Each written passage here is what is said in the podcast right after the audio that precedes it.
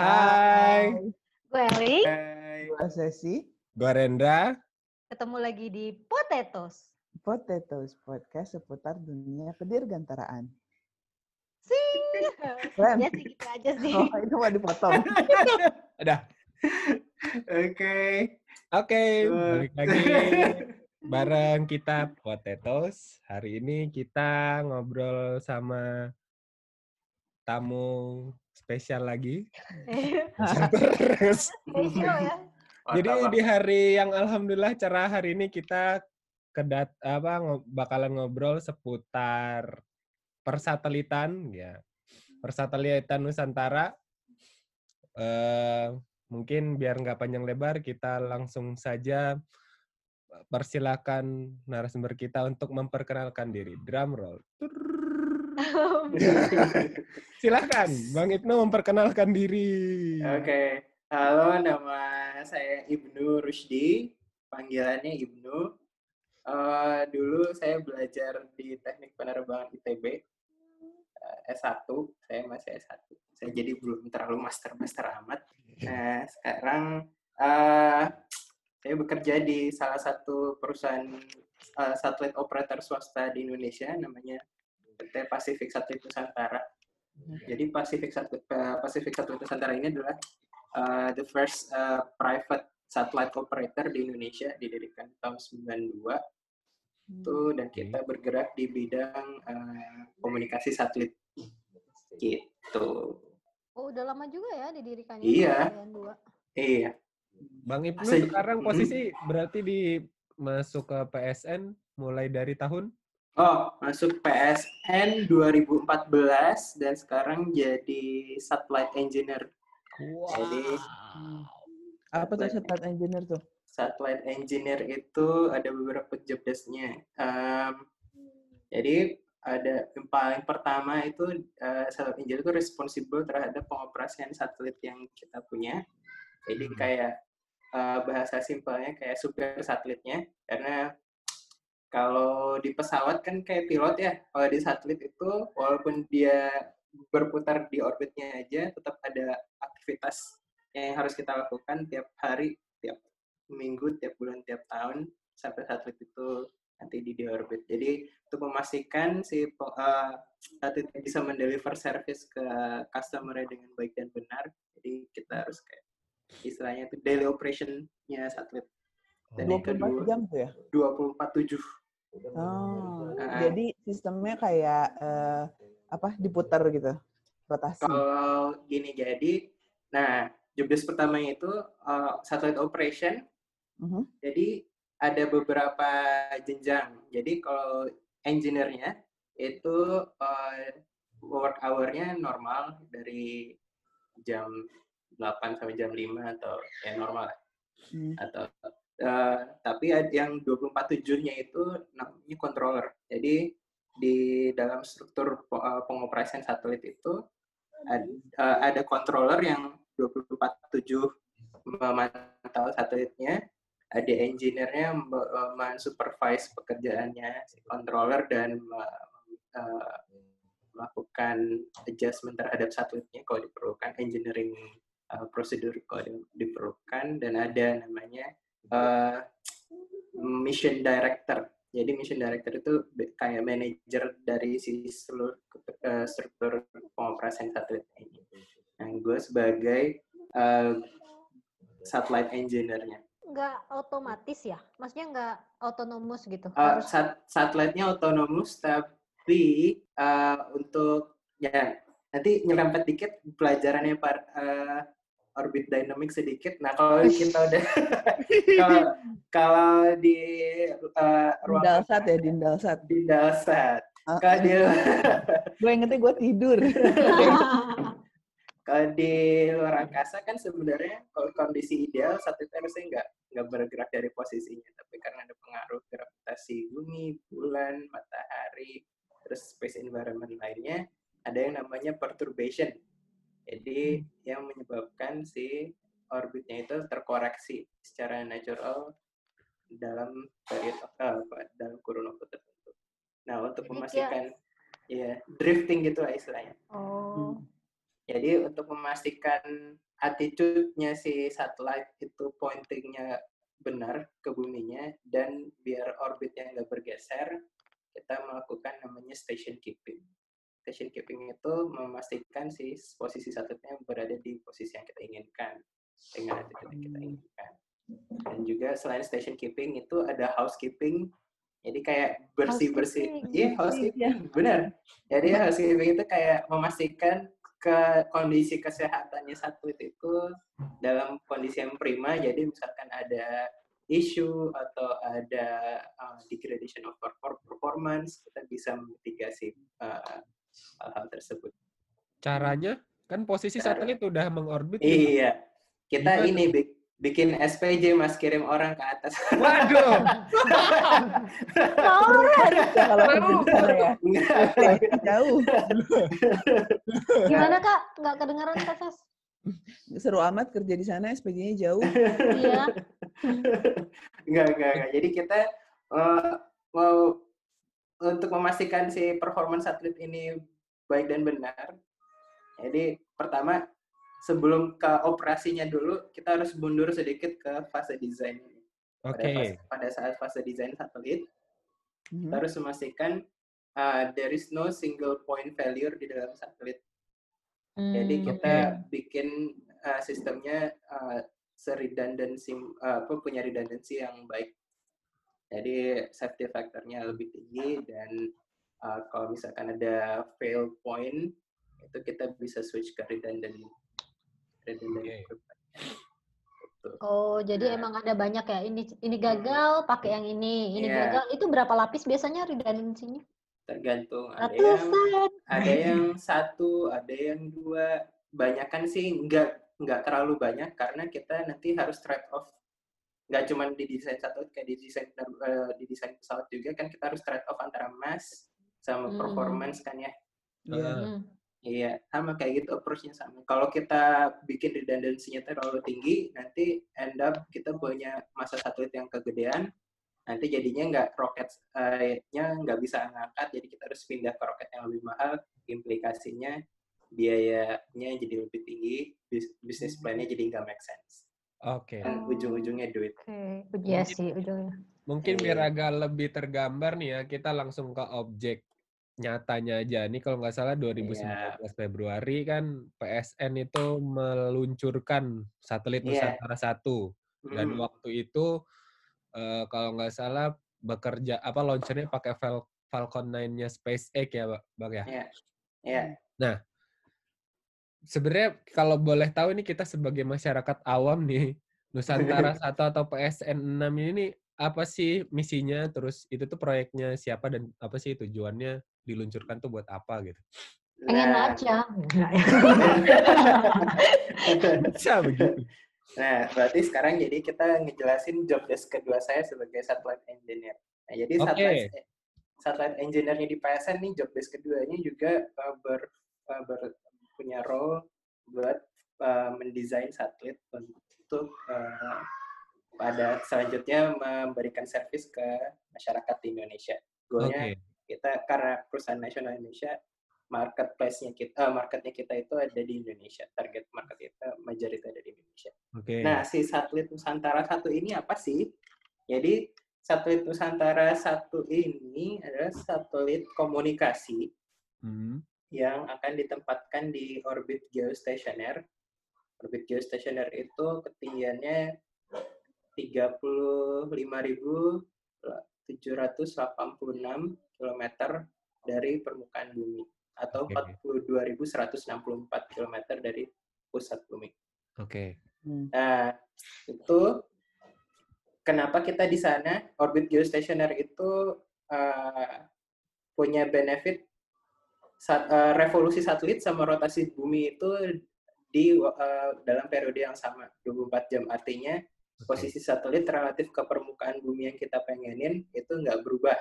Hmm. Nah, makanya jadi punya keuntungan untuk ditempatkan satelit komunikasi di sana. Jadi satelit itu sebenarnya satelit komunikasi itu sebenarnya adalah semacam repeater dari ground ke atas dan dibalikin lagi ke bawah. Kayak Oh. kalau bayangin kayak terminal eh, apa tower BTS, tapi BTS. lebih tinggi lagi. Ya. Basically Hmm, kayak gitu. Nah, jadi satelitnya itu eh, berfungsi sebagai repeater sinyal komunikasi yang kita kirim dari satu tempat ke tempat yang lain. Oke.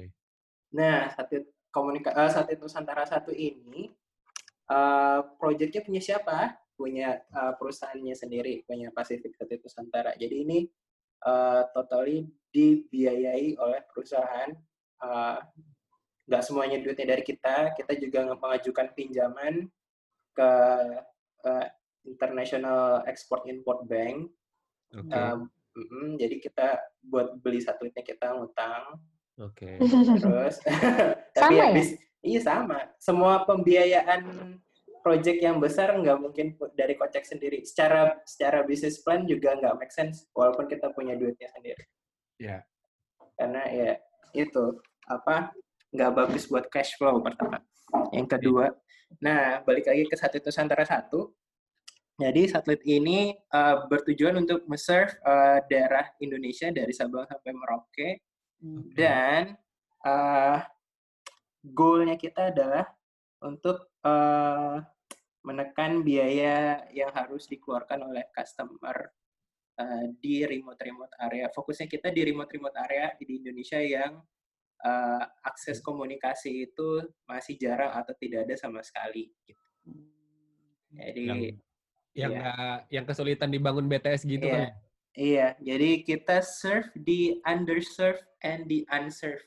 Jadi kebayang kalau di remote area, jangankan di luar Jawa, Pulau Jawa misalkan ke remote area yang nggak tiba-tiba sinyal seluler hilang, Nah, eh, daerah-daerah kayak gitu yang pengen kita serve Oke. targetnya. Jadi Karena- nanti Hmm. si provider misalnya kayak tadi sinyal seluler itu akan me- semacam menyewa satelit kalian gitu atau gimana? Ya, jadi secara bisnis kita punya dua eh, dua produk. Jadi ada bisnis eh, B2B. Oke. Eh, bisnis B2B itu biasanya dalam bentuk cellular backhaul. Jadi untuk memba- apa, mem- membantu cellular eh, provider untuk menyambungkan koneksinya dari antar pulau, biasanya pulau-pulau major di Indonesia, atau eh, model bisnis kedua kita itu eh, apa sih namanya bisnis retail. Jadi kita langsung direct to customer. Jadi kita jual uh, produk kita untuk digunakan langsung ke rumah-rumah uh, masyarakat. gitu. Oh jadi punya punya produk ini juga ya berarti produk apa operate operator selulernya? Iya, uh, bukan pakai seluler kita, jadi komun- uh, komunikasi via satelit. Jadi Oke, Kayak telepon satelit gitu ya? uh, telepon, telepon, tap- uh, atau internet via satelit, pakai Oh. pakai antena. Hmm. Gitu. Parabola. Iya, iya iya iya parabola Antena. gitu. Kalau parabola dulu kan buat nonton TV ya, antenanya Iya. gede-gede. Ya. Kalau yang uh, internet via satelit itu biasanya broadband, kita bilangnya broadband, sa- satellite broadband itu biasanya pakai antena yang lebih kecil di kisaran 1,2 meter atau 96 cm antenanya dan beda akan uh, customer akan punya langsung dapat akses internet dari situ. Wow. Oke. Gitu. Kalau kalau satelitnya sendiri yang bikin siapa? satelitnya sendiri yang bikin uh, SSL Maxar, Satellite System Laurel Maxar itu uh, manufacturer satelit uh, asal Amerika Serikat. Oke. Itu di uh, dulu kemarin bikinnya di Palo Alto, Palo Alto itu di North California di Oh, daerah jadi- Silicon Valley. Kalian tuh kayak Garuda, terus apa namanya USSL itu kayak misalnya Boeing, Airbus atau PTDI gitu ya? Iya, Gitu ya. Iya iya. iya. iya, Hmm. Sip. Nah, tapi desain satelitnya itu kita yang bikin. Kalian yang Jadi- bikin. uh, spesifikasi satelitnya dan satelitnya harus bisa ngapain aja, bagaimana performance-nya kita yang ngedictate. Nah, Oh, itulah iya. role kedua saya sebagai satellite engineer di PSN. Oh gitu. Oh, menentukan eh, spesifikasi dari satelit up ini tuh harusnya gimana sih gitu ya? Mhm, mhm. Hmm. Termasuk dari performance si komunikasinya akan gimana dan juga performance dari satelitnya ini as a, a vehicle gimana. Oke. Kalau spesifikasinya sendiri Nusantara satu tuh segimana sih? Maksudnya Spesifikasi sa- eh, teknisnya Nusantara satu itu, Nusantara satu punya total kapasitas 15 Gbps. Kalau dilihat dari skala fiber optik itu kecil banget ya 15 Gbps. Ya. 15 Gbps, tapi eh, kita target kita untuk nge-serve eh, sekitar 30.000 sampai 60 ribuan customer dari eh, kapasitas tersebut. Jadi ter, per customer bisa dapat setengah Mbps atau satu Mbps tergantung service yang dia dapetin. Oke. Eh, dan umur satelitnya kita desain eh, sepanjang 20 tahun. Jadi, nah 20 tahun ini jadi angka yang fantastis karena pada umumnya satelit yang sekarang ada di eh, geostationary orbit itu umurnya di kisaran 12 sampai 15 tahun. Wow. Nah, ken- kenapa kita bisa push sampai 20 tahun? Jadi kita menggunakan eh, electric propulsion eh, yang bisa me- eh, electric propulsion ini bisa menghemat penggunaan bahan bakar yang sangat banyak. Jadi kita bisa membawa ba- jumlah bahan bakar yang sama dan memperpanjang umur si satelitnya. Wow. Oh, jadi Gitu. umur satelit itu mostly di drive sama si propulsion-nya ya? Iya, ada dua aspek. Ada pro- eh, umur dari eh, fuel yang dibawa, propulsion-nya, dan yang satu lagi dari eh, lifetime si electrical component yang ada di dalam satelit itu sendiri. Hmm. Gitu. Jadi kalau eh, electrical component itu life life cycle-nya di kisaran angka 15 sampai 19 tahun. Tapi kalau dari umur satelitnya eh, dari um- dari propulsion itu bisa kita drive theoretically bisa sampai 25 tahun 30 tahun tapi karena keterbatasan si umurnya si electrical komponennya maka trade off kita bikin dan kita bisa achieve di umur satelit yang 20 tahun Wow. Dan gitu. sebenarnya 20 tahun itu dibanding yang ada sekarang udah advance ya. Mm-mm. Iya. Mm-mm. Nah, si Nusa, eh, satelit Nusantara satu ini juga punya teknologi yang sangat uh, inovatif dibanding uh, satelit uh, pada umumnya, karena kita menggunakan teknik high throughput satellite. Oke. High throughput satellite itu teknik untuk mereuse frekuensi yang digunakan di satelit. Jadi frekuensi itu uh, adalah resource yang kita gunakan untuk mendeliver service yang tadi. Jadi untuk meng-create 15 Gbps, ada certain amount of frequency band yang kita harus pakai. Nah, dalam hal ini, uh, satu itu Nusantara satu itu menggunakan frekuensi KU band dan C band. KU band itu bisa memprovide uh, frekuensi selebar sat- wait, no, uh, satu setengah gigahertz, kalau C band 800 gigahertz. Tapi kita punya dua polarisasi, jadi kali dua. Oh. Masih ingat nggak? Ingat. Oh nggak ya, anak penerbangan pasti. Aduh. Kalau ada Kalau penerbangan nih. bilang ya, Oh berarti lu yang ditanya Ran. Tanggung jawab kan. Iya, jadi Sarjana telekomunikasi lo. uh, untuk mengutilize, uh, untuk mendeliver communication service itu kita menggunakan kanal-kanal komunikasi. Nah, kanal komunikasi ini menggunakan resource yang ber- berupa frekuensinya. Hmm, oke. Kayak kalau uh, frekuensi 5G gitu, misalkan 5G itu uh, 5G Heeh. atau 4G itu punya uh, certain definition of frekuensi yang dipakai. Kalau Iya. 5G yang sekarang itu ada yang pakai di upper KA band, ada yang menggunakan extended C band gitu, segala macam. Yang untuk detail yang lebih lanjutnya nanti bisa uh, cari-cari di ITU International. Oke. Basically. Kalau kalau buat yang eh, kalau Hmm. buat yang rahasia-rahasia gitu, biasanya Hmm. frekuensinya yang beda atau ada? Uh, ada dua. Benar yang satu kita bisa menggunakan frekuensi yang berbeda. Jadi di setiap uh, frekuensi type jadi misalkan ada contohnya ada K band gitu ada yang uh, di ditujukan khusus untuk military. Jadi ada dalam K band itu ada military frekuensinya sendiri Uh, jadi di frekuensi tersebut kita bisa menggunakan uh, frekuensi untuk mengutilisasi hal-hal yang sensitif, uh, ber- komunikasi atau juga yang cara kedua pakai frekuensi yang pada, eh, pada umumnya digunakan di satelit, tapi kita men- menenkripsi proses Hmm, komunikasinya itu, ya informasinya itu sendiri. Kayak pakai kode-kode gitu ya. Iya. Kijang satu, kijang satu ganti. Biasanya eh, jadi pak paketnya itu dikirim eh, nggak nggak nggak raw komunikasi eh, komunikasi signal komunikasi aja tapi di di desain sedemikian rupa sehingga pak kalau misalkan ada yang nge-spoofing dia nggak bisa langsung tahu kontennya apa jadi dia harus ngedecode Hmm. code-nya dulu baru bisa tahu eh, kontennya apa. Oh, Oke. itu Tapi tadi kan dibilang kalau misalnya eh, umurnya tuh 20 tahun ya. Setelah Iya. dua, kemarin tuh kita sempat bahas juga sih masalah Mhm, mhm. space eh, ah sama iot ya iya, sama iyo iyo sama iyo. Heeh. Nah, itu setelah 20 tahun satelitnya akan ke mana?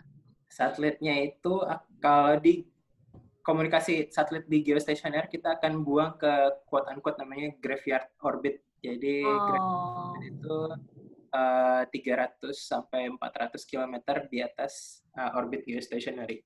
Jadi di situ tempat-tempat satelit dibuang. TPS ya, tempat pembuangan satelit. Iya, tempat pembuangan satelit. Dan, dan itu dia ketika udah sampai 20 tahun auto Hmm? apa dislokasi dari si orbit. ya? Enggak. Enggak. Enggak. Jadi kita juga harus manually eh, maneuvering di satelit buat sampai ke orbit eh, orbit gra- graveyardnya. Berarti dia terkoneksi ke ground ya, maksudnya komunikasi untuk Iya. Jadi Tugas engineer berarti itu ya untuk Iya. membuang satelit. Iya. Jadi uh, selain satelitnya terkoneksi oleh customer kita, kita juga punya dedicated ground station yang digunakan untuk mengontrol satelit ini. Makanya kita punya nama biasanya dua sih. Satu primary, satu backup. Jadi uh, kodenya biasanya PSCF Primary Station Control Facility ya, atau BSCF Backup Station uh, Satellite Control Facility. Di situ tempat kerjanya kita tiap hari buat memanage si satelit. wow. Luar biasa. gitu. Tapi- Eh, iya itu. Eh, so Kak Sesi. Enggak ini udah mau melenceng ini pertanyaannya Ren. Udah biasa, kan? Udah biasa kan? Udah biasa. Oke, gua deh kalau gitu. Nih ngomongin tadi kan ngomongin sempat ngomongin 5G, 4G itu kan sebenarnya yang Hmm, hmm. sebagai customer itu yang kita pakai setiap hari untuk Mm, mm, mm, internet ya. mm, Sekarang masih di 4G. Itu kan bisnis yang besar ya, maksudnya mahal. Nih satelit kan hak sangat mahal. mm, mm.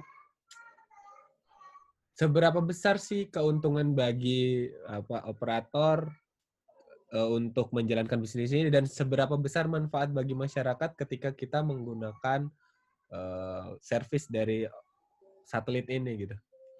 Menarik. Nah, pertama kita lihat seberapa besar sih keuntungannya. Pertama gini, mau nanya balik. Kira-kira semahal apa sih kalau menurut eh, teman-teman bisnis satelit itu? Buat ngedeploy satu-satu, kira-kira kita harus ngeluarin kocek berapa, mengeluarkan duit dari kocek kita berapa? Waduh. Tahu Berapa, ya, Kak? lu Saya geostationary launchingnya aja, satelit. Hmm. lu nge-launchnya aja tuh butuh roket sendiri. Iya. Jadi eh, coba-coba tebak angka, tebak angka, tebak angka. Waduh. Eh, kasih order deh, order. Kasih order. A, ordernya dari 70 sampai 100 juta. B, 100 Juta apa nih? USD apa? USD. Oke. B, 100 sampai 200. C, 200 sampai 300. Gua 200 sampai 300. Oke. Gua B deh biar ten- tengah-tengah. Gua tadi mau pilih B loh. Ya udah. Jadi jawabannya adalah Jawabannya adalah kira-kira untuk eh, di project Nusantara satu ini di order yang C. Wow. Yeay!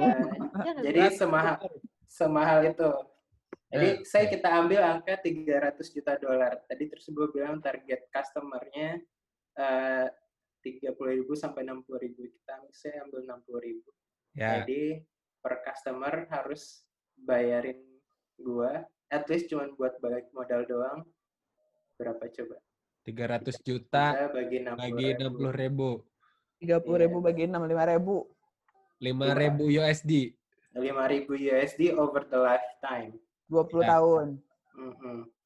Nah, Berat. itu 20 tahun berarti sekitar 250 Satu setahun. USD. 250 per Eh, tahun. 250.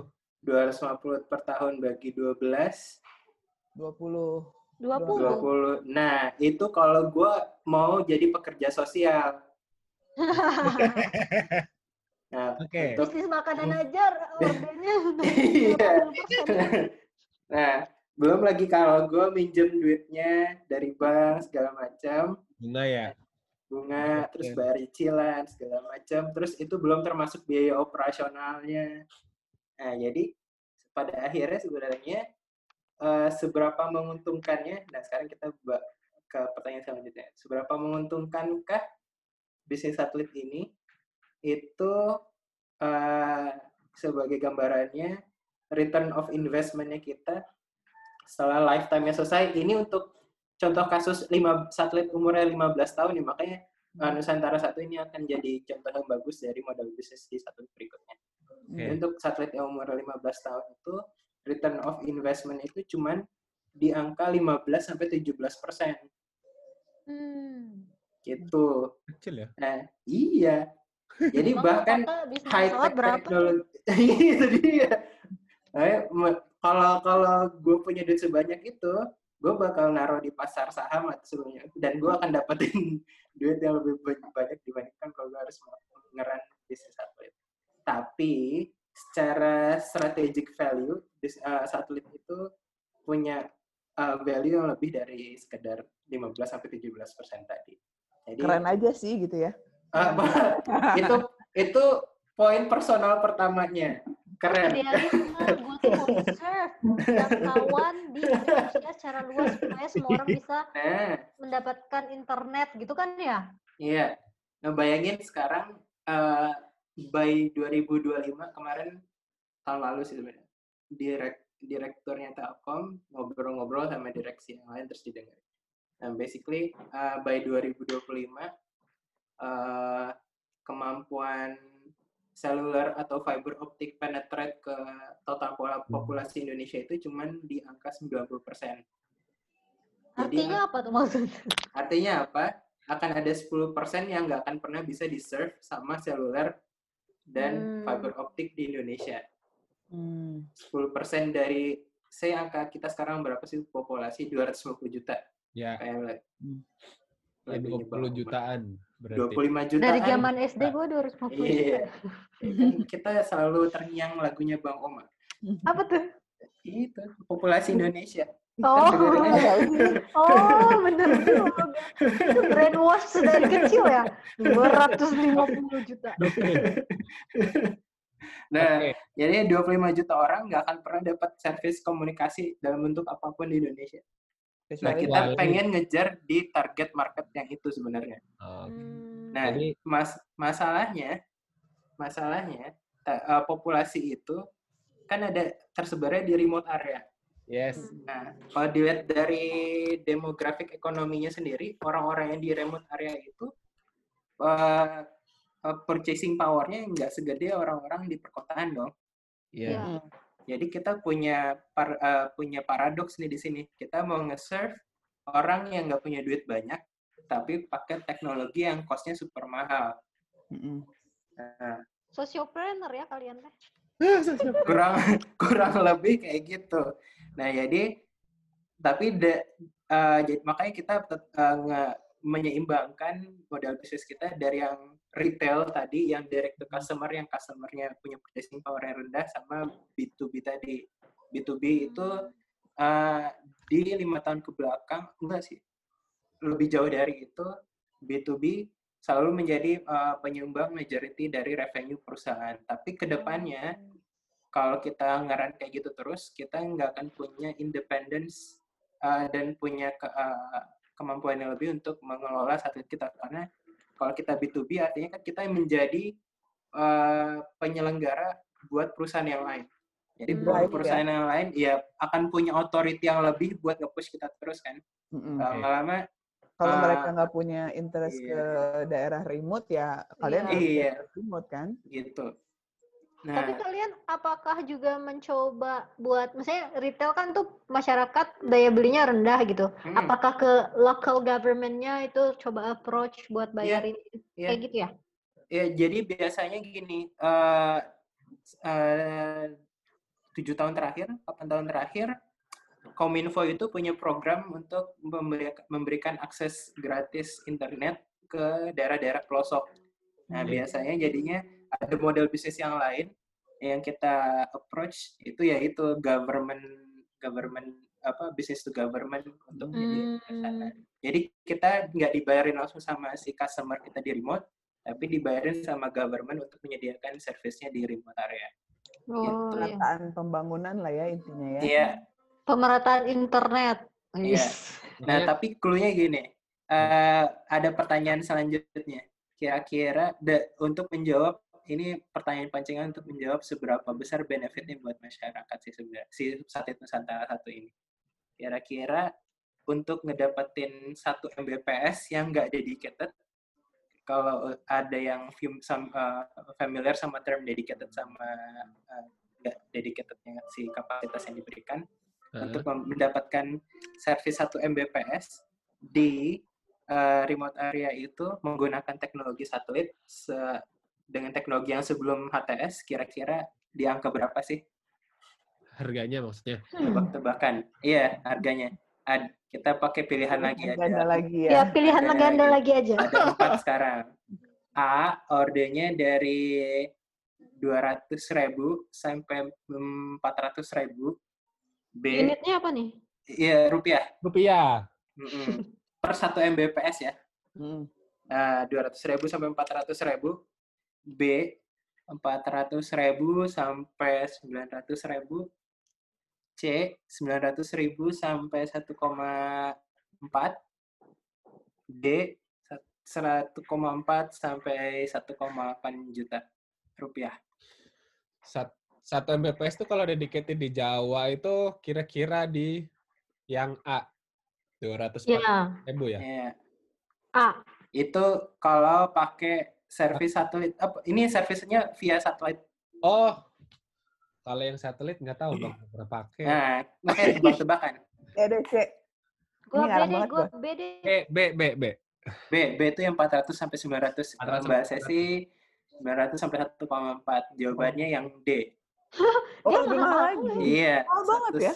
Satu setengah juta sampai 1,8. Kira-kira. Satu Mbps loh. Satu Mbps yang nggak dedicated nih.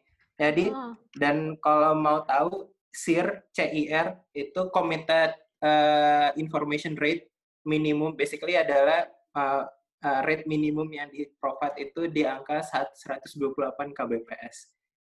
Ya, Sorry? Kalau kita pakai teknologi satelit normal, kenapa? Angka apanya 128 sorry tadi? KBPS. 128 Yes. KBPS tadi? Itu CIR, Red minimum. Oke. Committed in, Committed Information Rate. Oke. Jadi kalau misalkan kalau bahasa bisnisnya misalkan internet up to 1 Mbps di peak hour yang disediain cuma 128. Nah, itu Oke. adalah sirnya. Oke. Nah, itu kira-kira di angka 1,5 sampai 1,8 juta rupiah. Nah, dengan adanya teknologi HTS ini, jadi kita mereuse frekuensi yang kita gunakan dengan men- menambahkan jumlah gateway yang kita gunakan juga, itu kita bisa push sampai di angka 400.000 sampai 600.000 Hmm. gitu. Dan itu ada eh, punya impact yang lebih dari mar- dari market share kita tuh kita bisa growth kira-kira ber 20-30% dari kalau kita melakukan bisnis secara normal Oke. gitu. Dan eh, karena kita bisa menekan cost-nya nih karena tek, eh, kapasitas yang diberikan lebih besar, total kapasitinya si satelitnya lebih besar. eh, jadi kita bisa ngebalancing antara si harga yang lebih rendah sama profit di akhir yang kita dapatkan. Itu. Nah, untuk gambaran umumnya satelit ge- komunikasi yang normal aja yang nggak menggunakan teknologi HTS itu cuman punya kapasitas di 5 atau 6 Gbps.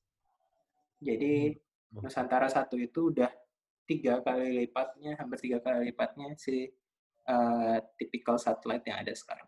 Wow. Hmm. Dan dan itu didesain oleh kalian yang di PSN pada Iya. saat itu ya? Ya, Luar Dan biasa. nggak nggak cuma sampai situ nanti eh, kita punya upcoming project di mana kita mau eh, desain satelit dengan total kapasitinya itu 150 Gbps Wow. dalam satu satelit aja. Ini yang Ah. Nusantara 2 bukan? Itu bukan. Itu Nusantara 2 kemarin satelit Nusantara eh, satelit kita yang gagal luncurin sama Cina Hmm. itu ordernya ha- hampir sama kayak Nusantara 1 di 15 Gbps juga. Hmm. Itu upcoming event. Eh, enggak, itu sudah event yang terjadi dan gagal. Yang kemarin peluncuran satelit yang gagal yang Yang- kakak ah. roketnya gagal itu lah. Ya, maksud gua yang apa? Yang tadi yang Oh, yang 150 ya. Nah. Itu yang project eh, join project bareng government itu loh. Satelit Satria. Oh. Oh. Oh. Itu Kalian yang itu menggarap luar biasa. iya. Jadi sebenarnya pemain pemain satelit ini di Indonesia tuh selain PSN ada lagi nggak sih? Ada Telkom, ada Indosat, Telkom itu berarti milik milik pemerintah ya? ya BUMN, BUMN. Ah, Indosat juga semi BUMN, I don't know. Ya sekarang Hmm. perusahaan swasta. Nah, terus BRI, tapi BRI dia nggak bisa ngejual kapasitinya ke halayak ramai karena ku- ah, gini, ada aturan dari BI kalau lo bukan core bisnisnya di sana lo nggak boleh jualan. Oh. Karena BRI bukan core bisnisnya di bisnis satelit, jadi dia nggak bisa ngejual kapasitinya. Jadi Tapi dia hanya bikin itu buat internet. operasi dia Pemakaian. sendiri. Ya, operasi internal. BRI doang ya. Jadi dia nggak bisa jual misalnya ke Hmm, bank lain misalnya atau gimana gitu? nggak, nggak bisa. Hmm. Oke. Nggak bisa. Kenapa sih dia sampai bikin satelit sendiri? Kenapa? Nah, harus ditanya sama orang BRI. Nah, tapi maksud gue Itu, kira-kira. eh, Karena. Itu eh, mungkin kira-kira karena jawabannya adalah kira-kira karena karena mungkin eh, dia kan punya bisnis eh, plan di mana dia eh, ngedeploy banyak eh, apa sih mobile ATM di daerah remote area ya. Oh, Ya. dari masuk desa gitu kali ya? Ya, kayak yang ada ada juga yang apa sih jadi agen BRI apa gitu. Jadi basically dia kayak eh, ATM tapi bukan ATM. Jadi orang bisa nabung ke agennya terus nanti Ya. bisa masuk. Nah, jadi si BRI itu menyediakan infrastruktur di belakangnya sehingga si bisnis plan-nya bisa terjadi. Ya, Oh. Dan menurut mereka lebih murah untuk punya satelit sendiri. Mungkin. Um, Ada mung- misalnya. mungkin atau kalau jawaban yang lebih uh, generalnya lebih strategis kalau lo punya self capability buat nge-manage uh, uh, business plan lo. Jadi dia nggak nggak terlalu independen dari uh, satellite provider yang lain sehingga saya kayak waktu 2000 kapan sih tuh yang satelit Telkom uh, ada anomali sehingga 9000 ATM total di Indonesia Oh. itu itu jumpalitan semua. Ya, ya. Nah, itu mungkin mereka menghindari event-event kayak gitu. Dan dan Jadi- memang kan BRI sebagai bank apa BUMN Indonesia yang satu-satunya yang menurut gua memang sasaran apa customernya memang orang-orang di daerah-daerah kecil kan. Iya, Gitu. Iya sih, biasanya Dan- emang kalau lu ke daerah remote atau gimana gitu yang paling banyak tuh BRI sih memang. Ya. iya. Kenapa kita jadi jualan BRI? Aduh, Eh, BRI. Nah, tapi oh, intinya case-nya kayak gitu. Oke, tapi balik lagi nih agam gua jadi menarik tadi eh, sebenarnya nggak pengen nyinggung yang apa eh, Nusantara 2 tapi jadi Apa? diingetin. Nusantara 2 kan kemarin dibuat dan diluncurkan oleh salah satu manufakturer di Cina. Iya, Kita baca sebenarnya beritanya bahwa Nusantara 2 sempat fail gara kita bahas juga sedikit kemarin ya kayak di waktu sama Bang Iyo Mayo ya. sempat sedikit ah, gagal mengorbit gara-gara katanya ada anomali di rock apa eh, combustion roketnya ya atau apa gitu. Nah, Iya. Bang Ibnu bisa jelaskan Nusantara 2 apa sih sebenarnya yang terjadi di Nusantara 2 kemarin atau sebagai salah satu engineer juga yang mem, apa yang mendevelop itu gitu. iya. eh, pertama, gue juga join di tim yang nge-develop eh, Nusantara 2. Oke. Jadi salah satu apa, senior bus engineer-nya. Jadi bus, bus engineer itu adalah eh, ini bahasa awamnya bus eh, subsystem adalah sistem yang meregulate life supporting sistemnya si satelit. Jadi Oke. kita ada dua aspek, ada bus sama payload. Payload itu yang uh, yang generate uang, jadi communication-nya.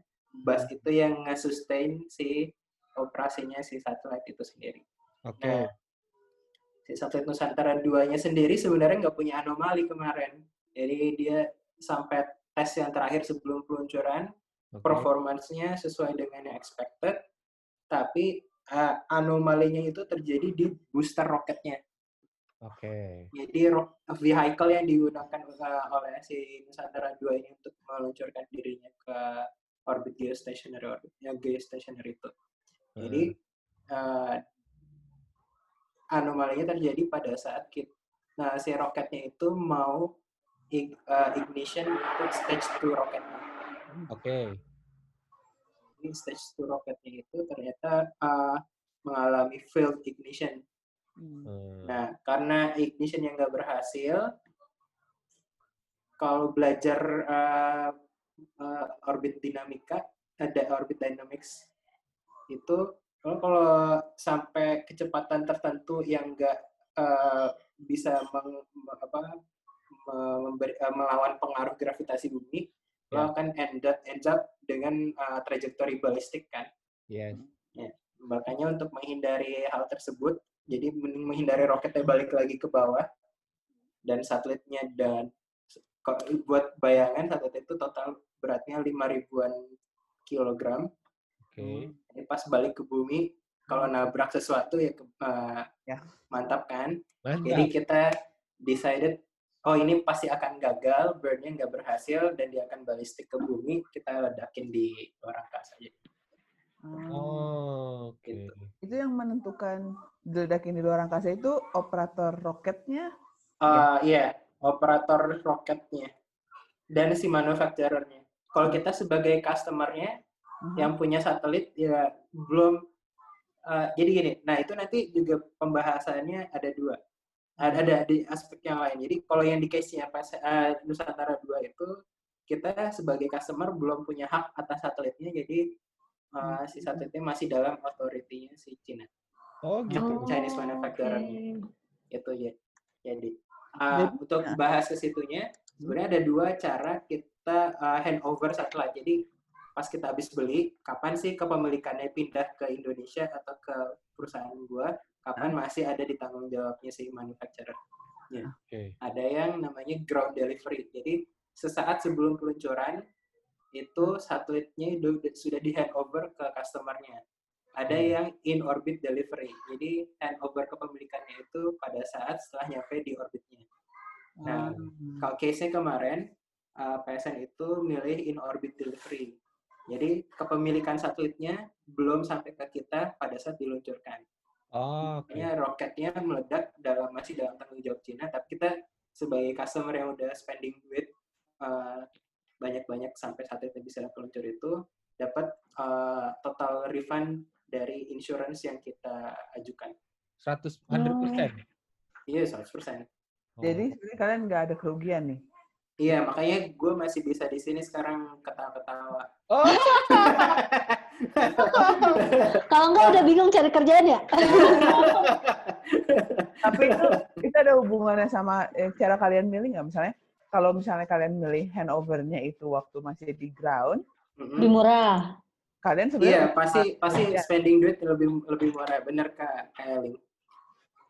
oh gitu. Nah, tapi dari kedua opsinya tetap dua-duanya kita harus ngajuin insur apa kita harus apply insurance supaya bisa mengcover proses peluncurannya. Jadi kalau ada hal apa pun terjadi di peluncurannya kita tetap dapat refund eh, dari apa duit yang udah kita spend.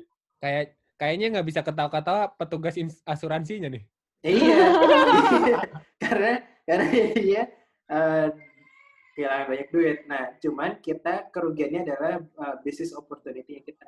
Oh, dan waktu ya. Ya, business opportunity ya betul. Hmm. Oke. Karena untuk untuk bikin lagi itu takes time kan kalau misalnya- time, 2 sampai 3 tahun lagi. Oke, 2 sampai 3 tahun. Ya. Ya. Tapi Ini ngomong-ngomong gini, sama-sama yang dari Sao Paulo itu ya? Eh, eh, peluncurnya enggak. Bukan Uh, eh, manufacturer. manufacturer satelit. satelit. manufacturernya bukan bukan manufacturer Amerika itu yang Nusantara dua itu eh, peluncur dan manufacturernya itu dari Cina dua-duanya. Oh, Oh, dari- oh. dari- Ya. Ngomong-ngomong gini, kan Hmm. waktu itu yang Nusantara satu sudah pernah berhasil nih dengan SpaceX Sudah berhasil. yang itu. Kemudian Iya. kenapa pemilihan Nusantara 2 ke Cina? Ada nggak eh, aspek pemilihan ini ada aspek strategis atau aspek lainnya nggak yang mungkin bisa jadi gambaran kita? Orang kan orang kan jadi bertanya-tanya Iya. juga tuh kalau ngeliat di Hmm. Instagramnya Pasifik Biasa. eh, PSN gitu. Gitu. Biasa Oh. netizen. Netizen.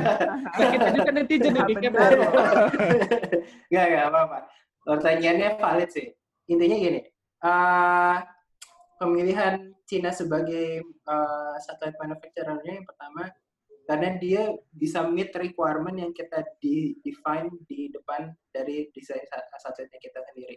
Jadi, eh, pertama kita nggak boleh eh, punya keberpihakan atas semua manufacturer apa at- atas salah satu jadi kita cuma prefer ke salah satu manufacturer doang kayaknya secara bisnis itu nggak bagus karena Oh, pada akhirnya favor sat- Iya. satu vendor nggak- gitu ya. kita nggak punya flexibility dari desain kita sendiri yang kedua selama manufacturer bisa meet requirement-nya kenapa enggak Ya, yang ketiga eh, yang ketiga ini ada hal yang menarik jadi si Cina ini bisa menawar apa memberikan opsi eh, bisa op- opsi finansial yang lebih beneficial buat kita dibandingkan eh, manufacturer yang lain. Oh, Dalam- untuk pembayaran, term pembayaran Ya, gitu ya. term pembayarannya. Dan dalam hal kayak di dibantu eh, proses pinjamannya ke eh, ekse- ya, apa ekspor import bank yang kita pengenin. oke. Ini jadi jadi satu paket ya ketika uh, lu bikin pesawat eh lu bikin satelitnya Hmm, sama ngeluncurinnya hmm, itu so- soalnya yang satelit Nusantara satu dua-duanya US kan Hmm. hmm. yang satelit Nusantara dua dua-duanya Cina Nah, apakah kalau i- i- di- eh, dari sekilas kelihatannya sepaket sebenarnya enggak. Jadi kita eh, menen- bisa menentukan eh, peluncur yang berbeda dari manufacturer manufacturer satelit yang eh, yang lain juga. Jadi mak- maksudnya kalau kita bikin di Amerika, kita bisa pilih peluncur yang lain selain peluncur dari Amerika. Misalkan kita kayak BRI nih, Heeh. balik lagi BRI atau ka- kayak Telkom, oh enggak, kayak BRI, benar. Oke. BRI Sat waktu 2016 dia bikin satelitnya sama di SSL Makassar di Palo Alto juga ba- hampir barengan sama kita tapi dia ngeluncurinnya pakai Ariane Space. Ariane Space itu roket peluncur punyanya Prancis, Eropa ya Eropa. Hmm. Nah, eh, bisa kondisinya bisa kayak gitu selama eh, si satelit ini kompatibel sama roketnya dan nggak ada eh, restriction yang dilanggar uh, politically. Jadi gini, um, kenapa jadinya Nusantara 2 kita harus milih peluncur Cina juga? Karena secara politikal peluncur non Cina nggak mau meluncurin satelit Cina. Oh. Oh. Karena Itu ada ada restriction dari kayak uh, kalau Amerika termnya itu ITAR atau IAR. Jadi basically ada Pokoknya lo harus Eh, pakai Amerika aja gitu. uh, nggak harus sih. Kalau Amerika masih agree sama Eropa. Oke. gitu. Tapi kalau lo punya satelit Cina, lo nggak bisa diluncurin pakai uh, peluncur non Cina oh, sama sekali. Itu masalah uh, perlindungan teknologi, informasi Iya, iya. teknologinya sih, basically gitu. sama kayak beberapa teknologi pesawat juga gitu kan Iya. ya Yes. Iya. Pokoknya teknologi strategis biasanya memang ada terkait ITAR atau IAR itu kan. Iya betul. Ah. Ya, ya, Nah, ya. Jadi, termnya fami- familiar berarti di penerbangan juga. jadi kalau boleh disimpulkan karena dulu pada saat pemilihan manufacturer kalian Hmm. memilih Cina karena Hmm. berbagai aspek termasuk aspek Hmm. bisnis. Hmm. Kemudian masalah launchingnya juga nggak bisa. Sebenarnya em, boleh aja PSN milih ke US, tapi US Hmm. nggak bisa meluncurkan itu karena produk Cina gitu ya. Mm-mm. Even even peluncur Eropa juga nggak pengen karena uh, green satellite terakhir yang bisa diluncurin sama peluncur uh, Eropa itu adanya di tahun 2012. Green green satellite itu artinya uh, produk-produknya pro- eh, komponen semua komponen yang di dalam satelit itu menggunakan komponen non US. Oh, itu disebutnya green satellite. Iya, ya. Iya. Luar biasa. Jadi aspeknya memang pertimbangannya banyak ya. Tuh netizen Iya. terjawab ya. Sudah. Netizen Jadi- jangan nyinyir aja. Dengerin potato. Dan dan tenang aja. Jadi kayak kalau dengerin YouTube-nya Bos Mardigo gitu-gitu yang katanya Indonesia satelit Indonesia diledakin. Ya kalau Ya. dari kita sebagai si ke- pemilik satelitnya nggak punya isu lebih dari itu selain dari bisnis opportunity yang kita lost karena duit kita balik kok. Jadi alhamdulillah masih di cover. Oh, tuh ya dengerin, dengerin anda anda. ini. Soalnya, soalnya jadi ada yang kayak gini kan produk Cina murah, tapi kualitasnya Iya. enggak ini. Kenapa udah tahu gitu milihnya ke Cina kan? Kayak gitu-gitu kan. Tapi Lu ya, ya? enggak tadi gua gua habis kepoin Instagramnya PSN. Oh. Ada yang komen gitu ya? Padahal Ah. padahal adminnya aja udah cheer udah chin up gitu, udah cheering people untuk tet- apa tetap harus lah. semangat. Iya, iya. Kan? Emang pada jahat mulut netizen ini. Eh, ya kita udah biasa ya. dari dari yang bumi datar, dari yang enggak tapi apa eh, pesimistik sama Cina segala macam. Jadi eh, kalau kita secara bisnis apalagi private company kan ya, Yes. eh, kita eh, mindsetnya chase the money aja sebenarnya sih. Hmm. Iya. Walaupun tetap eh, mempertahankan kayak eh, nasionalisme yang harus kita eh, atau strategic eh, decision yang kita harus eh, tetap pertahankan untuk mempertahankan kedaulatan Indonesia. Mantap. Nih, nyambung nyambung dengan kedaulatan Indonesia nih. Hmm. Eh, se- eh, Kak, tapi kan kita sekarang bikin satelitnya masih dari luar ya, meluncurkan Hmm, masih hmm. dari luar. Nah itu ada nggak sih hubungannya sama ya tadi kedaulatan gitu kan? Mm-mm. Iya, Kan kalau misalnya kita mau melihat bahwa oke kayaknya kita harus nih bisa bikin satelit sendiri atau meluncurkan sendiri, mana yang lebih prioritas? sama gini.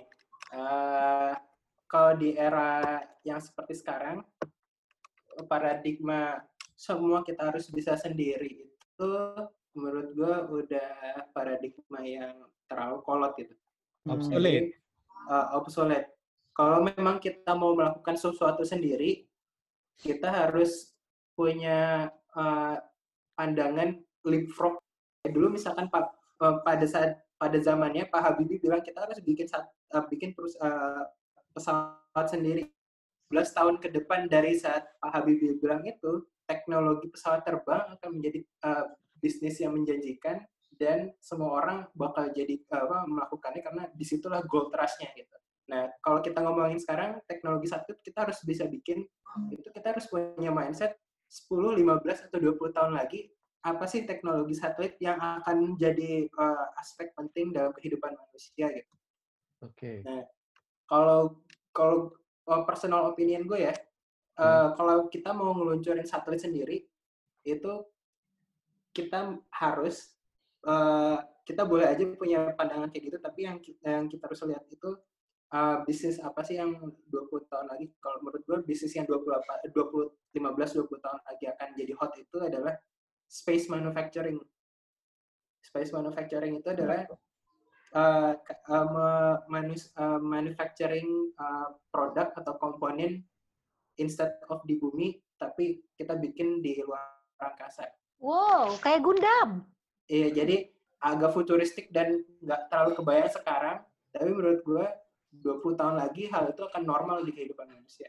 Dan itu yang harusnya dikejar kalau memang kita pengen bilang, kita decide, oke kita mau bikin satelit, atau oke kita pengen ngeluncurin, uh, kita bikin peluncur sendiri. Jadi mindsetnya adalah produk apa yang akan bisa kita gunakan dengan kita mendevelop teknologi satelit sekarang. Oke.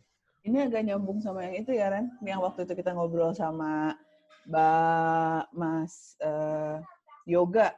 Ingat nggak? Oke. Kalau US Hmm. kan sudah melihat eh, ini apa namanya untuk defense Event. dengan menggunakan apa? Apa tuh yang Menggunakan infrared dari satelit itu tuh? ini Oh iya, apa sih namanya? Eh, Aduh lupa tiba-tiba. ini quantum quantum communication apa sih?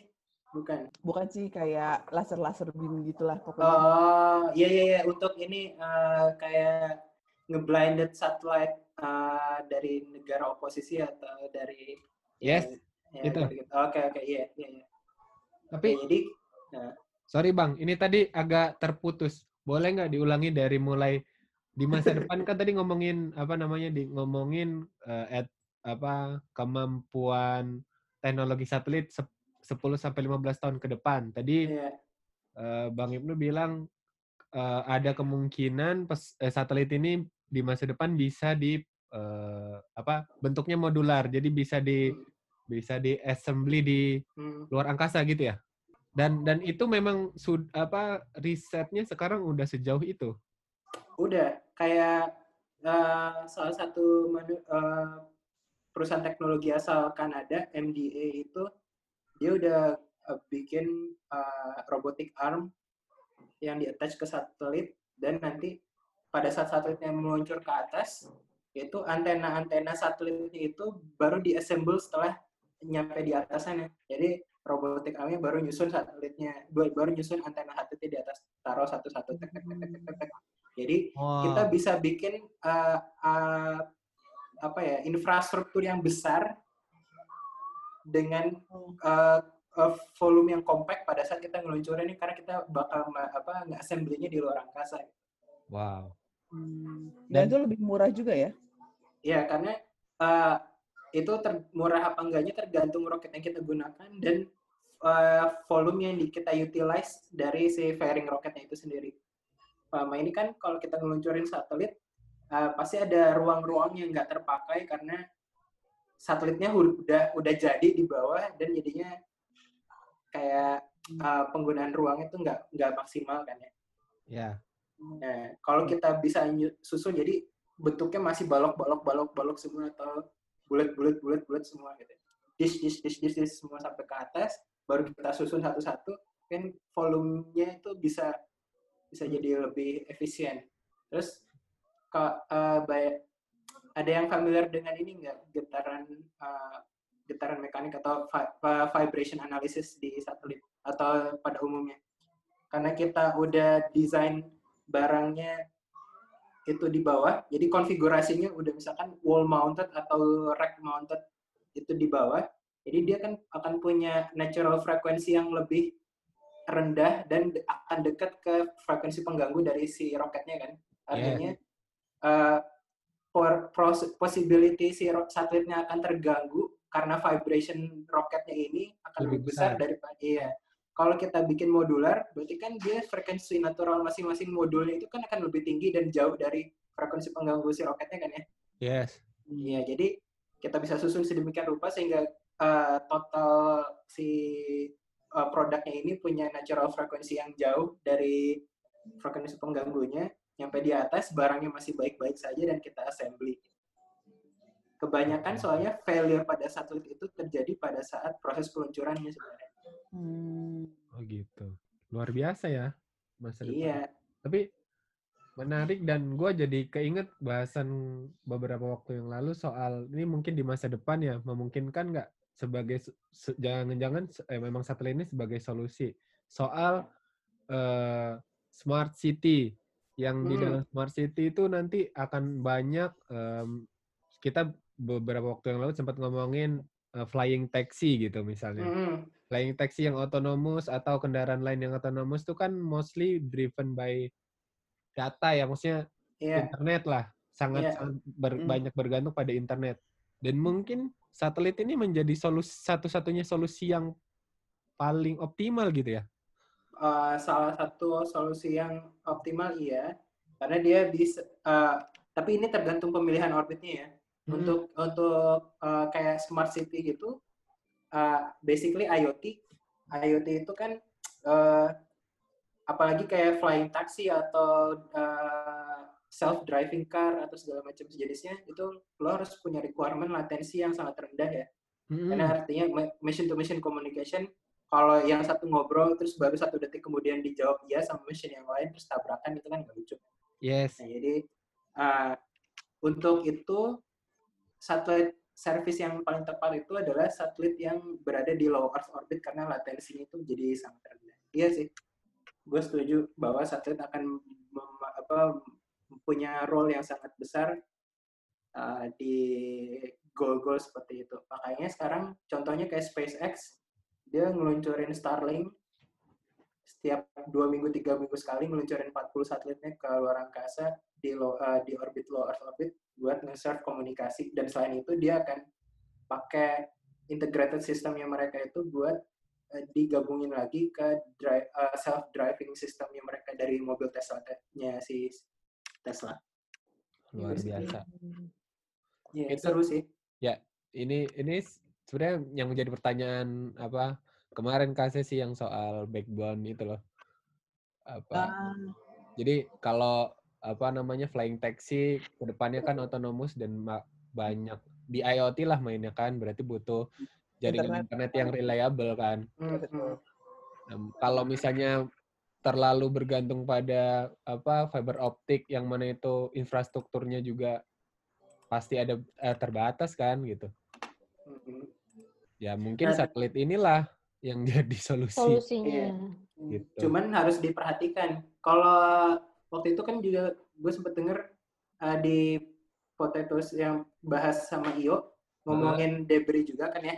Yes. Ya. Nah jadi uh, harus diperhatikan uh, de- uh, aspek debrisnya ini karena akan mengganggu sustainability dari si bisnis satelitnya ini sendiri. Hmm. Nanti coba uh, dicari detail uh, apa yang namanya Kessler syndrome.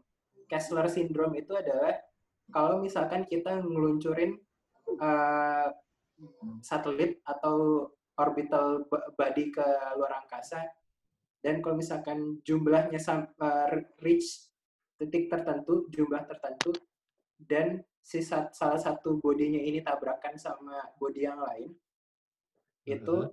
akan sampai di titik di mana tab- eh, tabrakan itu akan membuat chain reaction tabrakan yang lain sehingga nanti eh, orbit tersebut tidak akan bisa digunakan lagi karena terlalu banyak debris yang ada di sana. Oh, iya. Dan karena sekarang semua satelit ini juga adanya di geostationary orbit itu ya. Di low Earth orbit kebanyakan sih. Low. Earth orbit ya.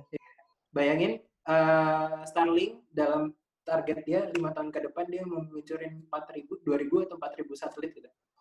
Nah Hmm. sekarang populasinya udah ada hampir 150 ribuan eh, space body yang ada di daerah low Earth orbit.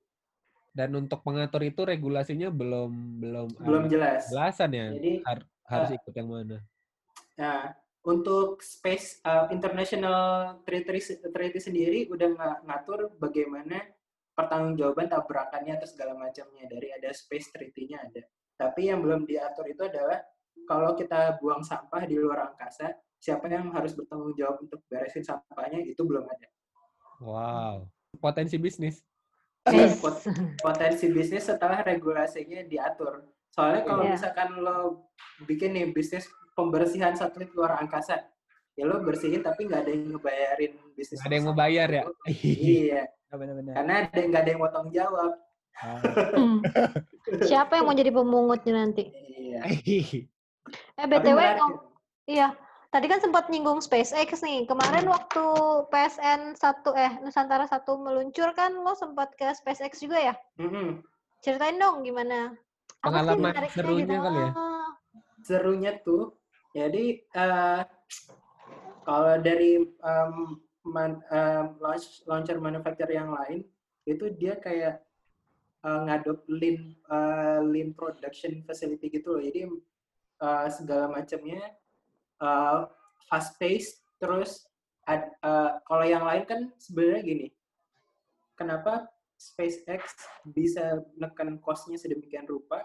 Karena sebenarnya dia bisa identify produk mana yang harus eh, ada di clean room, mana produk yang nggak perlu, sehingga menekan cost untuk membuat si produk tersebut. Basically segala macamnya dilakukan untuk menekan cost tanpa mengurangi reliability di si si sistemnya. Nah jadi yang lain pernah oh kalau peluncur yang lain, gue ngerasa ini semua harus eh, detail, harus spesifik, harus dalam kondisi ini di manufacturingnya. Sehingga dia mereka punya nge-spend cost yang sangat besar. Kalau SpaceX modelnya ya kalau yang nggak harus di clean room ya nggak perlu di clean room. Jadi pas gue masuk ke factory-nya, gue langsung bisa ngeliat ada orang yang lagi ngoprek mesin uh, Merlin 1D engine itu di sebelah kanan gue. Terus dan yang tempat assembly mesinnya itu sebelahan sama control room si roketnya. Jadi kayak Hmm. secara secara apa pen, pen- tata tempatnya itu kayak uh, kok kayak nggak terlalu uh, fancy ya gitu tapi ya ternyata emang mereka mikirnya ya kan kalau mesinnya nggak perlu dibikin di dalam kondisi yang fancy kenapa harus gitu. Hmm. dan uh, roketnya kayak silo roketnya itu dibikin dipakai mesin CNC terus pakai uh, apa layout mach- ma- machine-nya itu otonomous pas orang lagi ngerjain apa off nya si roket udah kebentuk sendiri sama si mesin. Terus dia banyak ngadopsi teknik 3D printing dalam komponen-komponennya. Jadi seru dan Jadi yang paling printing untuk metal itu berarti. Iya, metal 3D printing. Jadi untuk yang mesh structure, structure, jadi kayak uh, honeycomb structure, Heeh. tapi dia spiraling. Jadi kebayang kayak honeycomb nih. Jadi punya Heeh. bolong, tapi bolongan itu harus spiraling. Hmm. Jadi lo nggak pun nggak akan bisa dicetak sama uh, sandcasting atau segala macamnya Hmm. karena Terlalu lubangnya kompleks ya. iya karena kompleks dia bikin teknik uh, 3D printing metal. Wow. ya aluminium 3D printing itu seru dan yang terakhir ya itu orang lain neken kos nggak nggak neken kos sama sekali dia bi- bi- bilang eh, walaupun secara eh, proses produksi harganya itu nggak justified dengan eh, eh, harga peluncuran sebelumnya nggak justified Tapi karena teknologi roketnya itu bisa di repeatability-nya tinggi, artinya si reusability roketnya tinggi, jadi nggak cuma sekali pakai buang. Hmm. Jadi ya uh, Falcon 9 Block 5 ini bisa 2 sampai 3 kali reuse. Itu jadi ya, angka 60 jutanya ini jadi jadi make Jadi- sense buat mereka. Hmm. Sekali peluncurannya Falcon 9 itu harganya di 60 sampai 65 juta dolar. Wow. Dan Sempat ketemu Elon Musk nggak? Enggak. Jadi super sibuk. Tapi ya ini apa eh, fa- pabrik roketnya di Hawthorne di California itu sebelahan sama pabriknya Tesla. Oh. Waktu habis dari kunjungan factory ke SpaceX ditawarin sama si uh, tour guide-nya buat lo mau nyobain Tesla nggak? Dia deh mau. Kita ke pabrik sebelah nyobain Tesla. Wow. Menarik banget. Iya. test drive, test drive. Biar bisa ke sana. Ren, pas lo masuk, mereka udah nggak ke SpaceX lagi. Ganti, ganti best lounge. Oke. Tapi ngomong-ngomong Iya kan Abang. Ibnu udah banyak pengalaman nih sampai bisa compare apa manufacturer di Cina, di US. Ngomong-ngomong soal teknologi apa satelit untuk resource yang dipunya Indonesia saat ini, mungkin nggak kita bisa punya perusahaan kayak yang gitu. seperti itu? Nah, karena sekarang era globalisasi ya sebenarnya, jadi pas kita bilang resource yang ada di Indonesia, kalau memang kita nggak punya semua resource-nya, kita bisa outsource dari luar resource yang kita nggak punya. Kayak misalkan gini, contoh terakhir, Singapura secara teknologi dia belum bisa bikin roket peluncur sendiri, tapi Oke. yang dia lakukan adalah ini bahkan dilakukan oleh private company di Singapura. Yang dilakukan adalah dia uh, ngerekrut uh, saintis-saintis dari luar Singapura yang bisa bikin roket buat dia dan dibikin di Singapura. Ya, basically uh, uh, dengan ke- dengan keterbatasan manufacturing capability-nya si Singapura ya bahkan ya. Kayak Iya. kemarin. Jadi intinya sih nggak ada hal yang nggak mungkin sekarang terjadi di era glo- globalisasi sih. Even buat Indonesia sebenarnya. Oke. Even bahkan say misalkan 8 baru bisa bikin roket sonde 52 inch dan baru bisa terbang suborbital gitu ya. Ya. Tapi buat private company atau entitas lain selain 8, menurut gua nggak mustahil sih bikin bikin teknologi kayak gitu. Cuman yang pada akhirnya adalah apakah kebijakan pemerintahnya menarik buat kita bikin itu di Indonesia. Wah, Hmm. kalau kalau itu lain hal lagi. Ya, karena pada akhirnya kalau ngomongin high high tech industries itu nggak cuma masalah duit dan capability tapi apakah Politis ya. Political will. iya political will dari pemerintahnya mau nggak ke arah sana gitu Oke. dan Itu bisa butuh satu episode sendiri. itu dia Kalau dan lo butuh dreamer yang yang bisa bisa mimpi panjang dan jauh ke depan kayak Pak Habibie dulu Yes. luar biasa. Mungkin agak digeser deh pertanyaannya kalau gitu. Hmm. Kira-kira dengan resources yang apa eh, resources untuk saintis di Indonesia deh, nggak misalnya kita mengabaikan apa kemampuan untuk subcon atau apa Hmm. datangin technical assistance ke Hmm. Indonesia. Tapi kalau dengan saintis di Indonesia, tadi kalau nggak salah Bang Ibnu juga bilang ada satu komunitas gitu organisasi persatelitan gitu kan. Hmm. Kira-kira kalau dengan orang-orang yang ada di situ, sebenarnya Indonesia mampu nggak sih secara ini, secara kemampuan saintisnya gitu? Nah, untuk ngedevelop uh, small size satellite kayaknya menurut gue Indonesia udah bisa. Kayak ukuran mikro atau CubeSat. Itu Indonesia udah bisa sendiri buat ngedevelop dan manufacturingnya di Indonesia. Walaupun nanti komponen-komponennya nggak bisa semuanya dibuat luar dari ya? Indonesia, tapi ada Ya, tapi secara kita as system integrator kita udah bisa buat ngedevelop small size satellite. Wah. Untuk roket itu lain cerita. Oke. Nah, kalau roket 8 itu punya punya apa sih namanya? Renstra dia 2024 bakal bikin launchpad di Biak kan ya Ya, buat uh, peluncuran orbital jadi bukan suborbital lagi tapi teknologi roket yang di- akan digunakan juga belum didefine secara jelas jadi menurut gua kayaknya ya uh, penjajakannya nanti ke depannya perlu kayak gitu kayak Singapura yang yang kayak Singapura aku lakukan jadi dia manggil roket manufacturer dari luar Indonesia buat ngeluncurin roketnya dari Indonesia gitu Ah, jadi untuk satelit small size satellite kita bisa buat roket enggak. Nah, eh, hubungannya sama penjelasan gue sebelumnya adalah kita nggak perlu malu kalau kita bisanya cuma small size satellite. Karena yang tadi gue bilang, pada akhirnya masa depan semuanya akan modular. Jadi kita tinggal bisa mimpi apa nih produk yang kecil yang kita bisa bikin ini, kita bisa mimpin apa ke depannya gitu apa Hmm. sih possibility yang bisa kita lakukan kayak belajar dari film Big Heroes 5 yes. lu punya robot yang magnetic prism kayak gitu tapi the possibility is unlimited cuy jadi lo mau bikin apa aja dari hal yang paling kecil Benar, bisa sebenarnya Betul, betul, betul.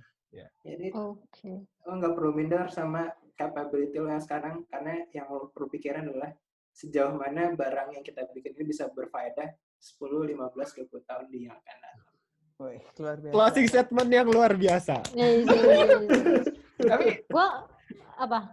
gue jadi tadi Bang Ibnu ngomong apa kalau membangun CubeSat Indonesia udah mampu berarti di de- masa depan Bang Ibnu sama Bang Iyo kayaknya harus berkolaborasi nih untuk mewujudkan Iya mau ngurusin itunya ya. Ah, I- iya ngurusin space debris-nya ya. ya tapi kan dia kemarin dia kemarin katanya risetnya lagi bikin Lagi bikin juga CubeSat. kan I see. ini dua orang ini bisa jadi apa saintis masa depan Indonesia nih untuk biasa. Eh, Nanti ada perusahaan-perusahaan baru ya yang mereka yang bikin ya. Ya, gue nggak, gue nggak ini sih nggak surprise kalau Ida dari dua tiga tahun sekarang kita punya private company buat eh, small size satellite. Oh, let's make it's it been expected.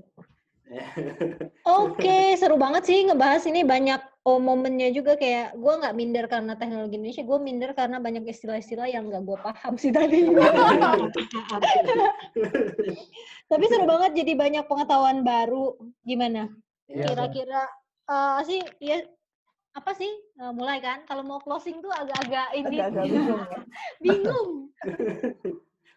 Intinya tadi ya itu loh dari Big Hero Six tadi. Jadi jangan malu kalaupun kita cuma bisa menciptakan sesuatu yang kecil karena dari yang kecil itu bisa tercapai opportunity-opportunity besar lainnya gitu kan ya. Iya. Luar Iya, biasa. Agree, agree. Emang harus yang bijak yang nutup lah.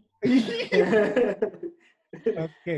Oke, Ya, Ibnu, kayaknya cukup ya kita. hari ini. Eh, terima kasih teman ngobrol kita hari ini, Bang Ibnu Rusdi. Semoga sukses dengan apa proyek-proyek berikutnya. Tetap semangat, jaga kesehatan, apalagi. Eh, Di rumah aja. di rumah aja Dengan new normal yang buat gue.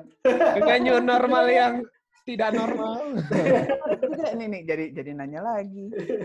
Jangan-jangan dengan new normal ini sebenarnya bisa nggak tuh satelitnya diurusnya dari rumah aja, nggak usah harus ke Eh, bisa, bisa. Sekarang kita udah kayak eh, 50% satelit operationnya kita tarik ke rumah masing-masing. Tapi jadinya kita harus punya secure Internet technology, ya internet sama secure system buat mengoperasi satelit. Hmm, bisa sih. Dan sudah dilakukan itu apa memang ke depannya memang akan lebih lebih jauh dari itu. Keren. Oh, keren, keren, keren. Keren. Oh. Oke, ya adalah kita closing. ya udah Allah. Kerja lagi kasih isi nggak ada tambahan. Maaf, maaf, maaf. Nggak apa-apa. Eh, mungkin kita kita sudahi sampai di sini episode kali ini. Terima kasih Oke. banyak. Terima Gua Eling. Makasih ya Ibnu, gue Eli. Rendra dan teman ngobrol kita hari ini. Ibnu. Sampai, Sampai jumpa, jumpa di potato selanjutnya. Dadah. Bye bye. bye, -bye. Okay.